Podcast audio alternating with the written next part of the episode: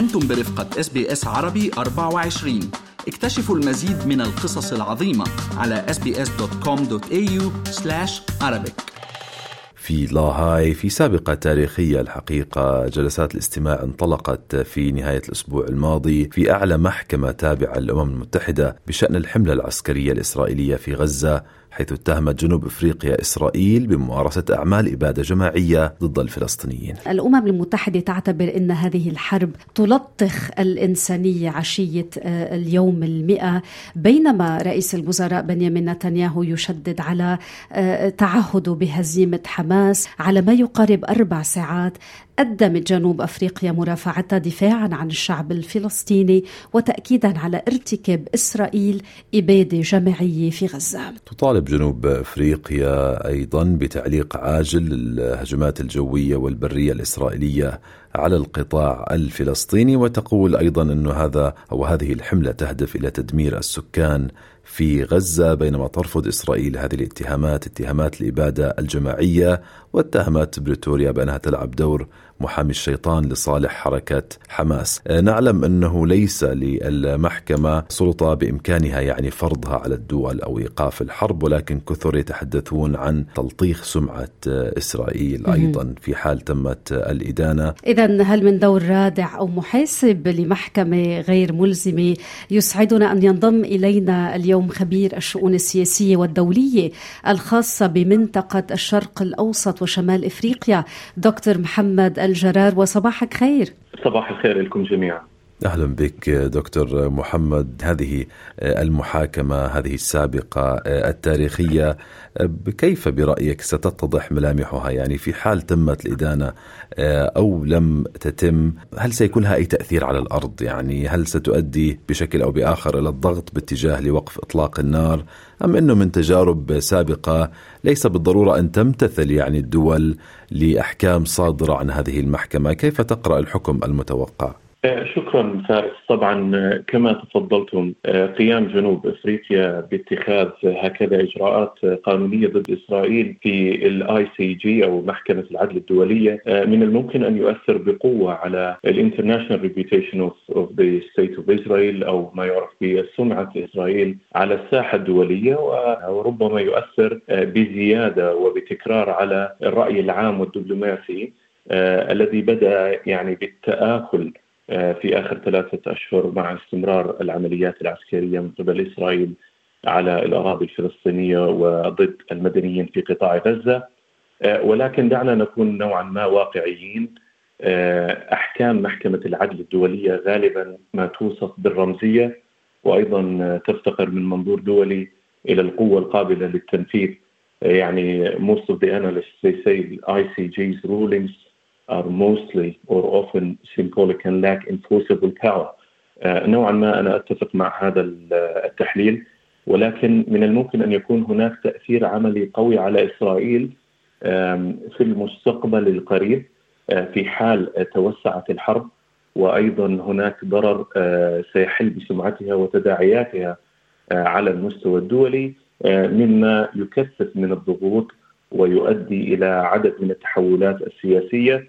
التي ممكن أن آه، تؤدي إلى ازدياد رقعة الحرب آه، في منطقة الشرق الاوسط. يعني دعني أبقى هنا دكتور جرار ومحكمة العدل الدولية كما نعلم تتوقف فعاليتها على قبول الدول المعنية بقرارها، هذا أمر مستبعد جدا من الجانب الإسرائيلي ولكن الحقوقيون يعني آه، بركي عم بيركزوا على محور آخر، كيف يمكن الاستفادة اليوم من حكم محكمة العدل الدولية للتوجه بعده وفي إلى المحكمة الجنائية الدولية لمقاداة القادة الإسرائيليين.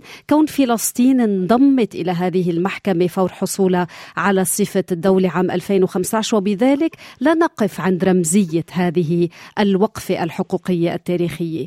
كيف ترى ذلك دكتور جراروا؟ أعتقد بأن هناك آه، تغير واضح سيكون على الرأي العام. آه، غضب إسرائيلي ممكن أن يسبب أيضا نوعا من اختلاف وجهات النظر مع الولايات المتحدة الأمريكية ولكن إذا تبني القرار وقامت محكمة العدل الدولية بإلزام إسرائيل وباعتماد المرسوم المقدم كجرائم حرب أعتقد هذا أمر خطير للغاية على الرغم من أنه حصل في السابق مع عدة دول ولكننا نتحدث أيضا عن ال effectiveness of the action ما هي فاعلية هذا القرار؟ هل ستقوم إسرائيل بالاستماع؟ إذا نظرنا إلى تاريخ الصراع العربي الإسرائيلي نجد بأن إسرائيل أساسا لا تكترث إلى الصوت العالمي نرى يعني مساهمات أو مبادرات من دول عربية وغربية لإيقاف الحرب في غزة إلى أننا لم نرى يعني أي أو أي أنواع من الاكتراث الإسرائيلي حتى للصوت العالمي وهذا يعني raises so many questions أو يثير تساؤل المحللين السياسيين نعم. يعني هل هل يعتقد أن هناك أي قوة على وجه الأرض قادرة إن كانت منظمة دولية أو حتى دولة أن توقف هذه الجرائم التي ترتكب على الأراضي الفلسطينية؟ سؤال فعليا بات يعني يجول ويصول في عقول الكثيرين بأنهم يعتقدون بأن هناك لا يوجد رادع أساسي لما تقوم به إسرائيل وهي أيضا مدعومة من الولايات المتحدة الأمريكية وهذا يقوض عمليات السلام ويحد من خلينا نحكي بناء جسور من المودة والسلام والتآخي بين الشعوب وهذا يؤثر أيضا على الوضع العام القائم في الشرق الأوسط.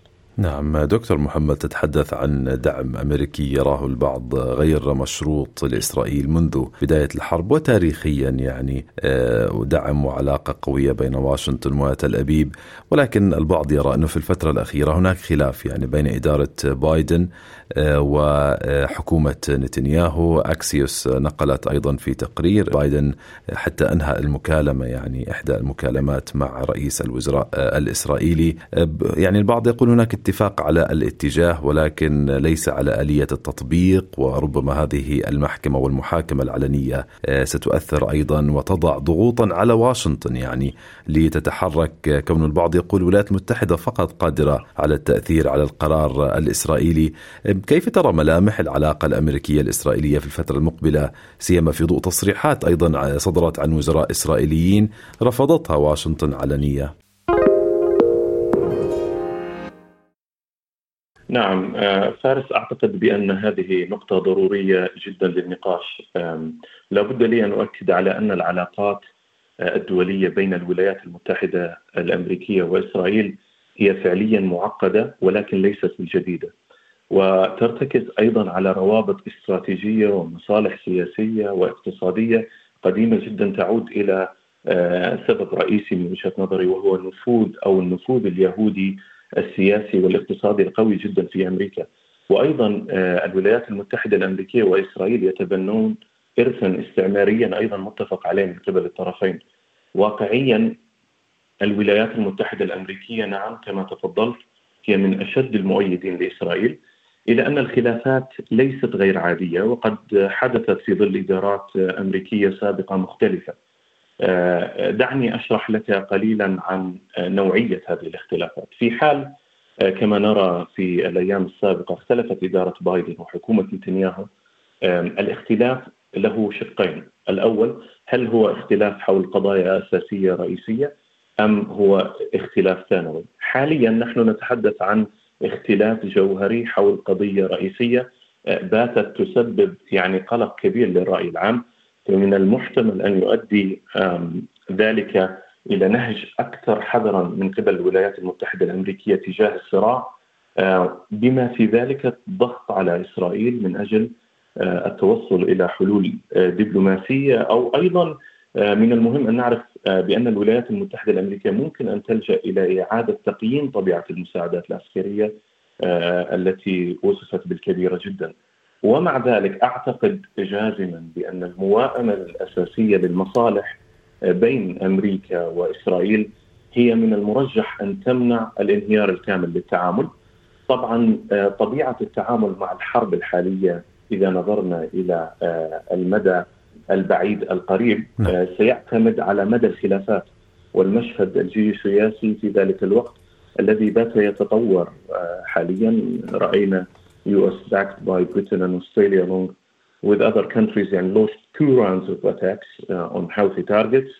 Uh, بدأت هناك أيضا uh, يعني انخراط للولايات المتحدة الأمريكية وحلفائها في عمليات عسكرية ضد الحوثيين في اليمن. وعليه فإن وبمشاركة استراليه أيضا. نعم. نعم.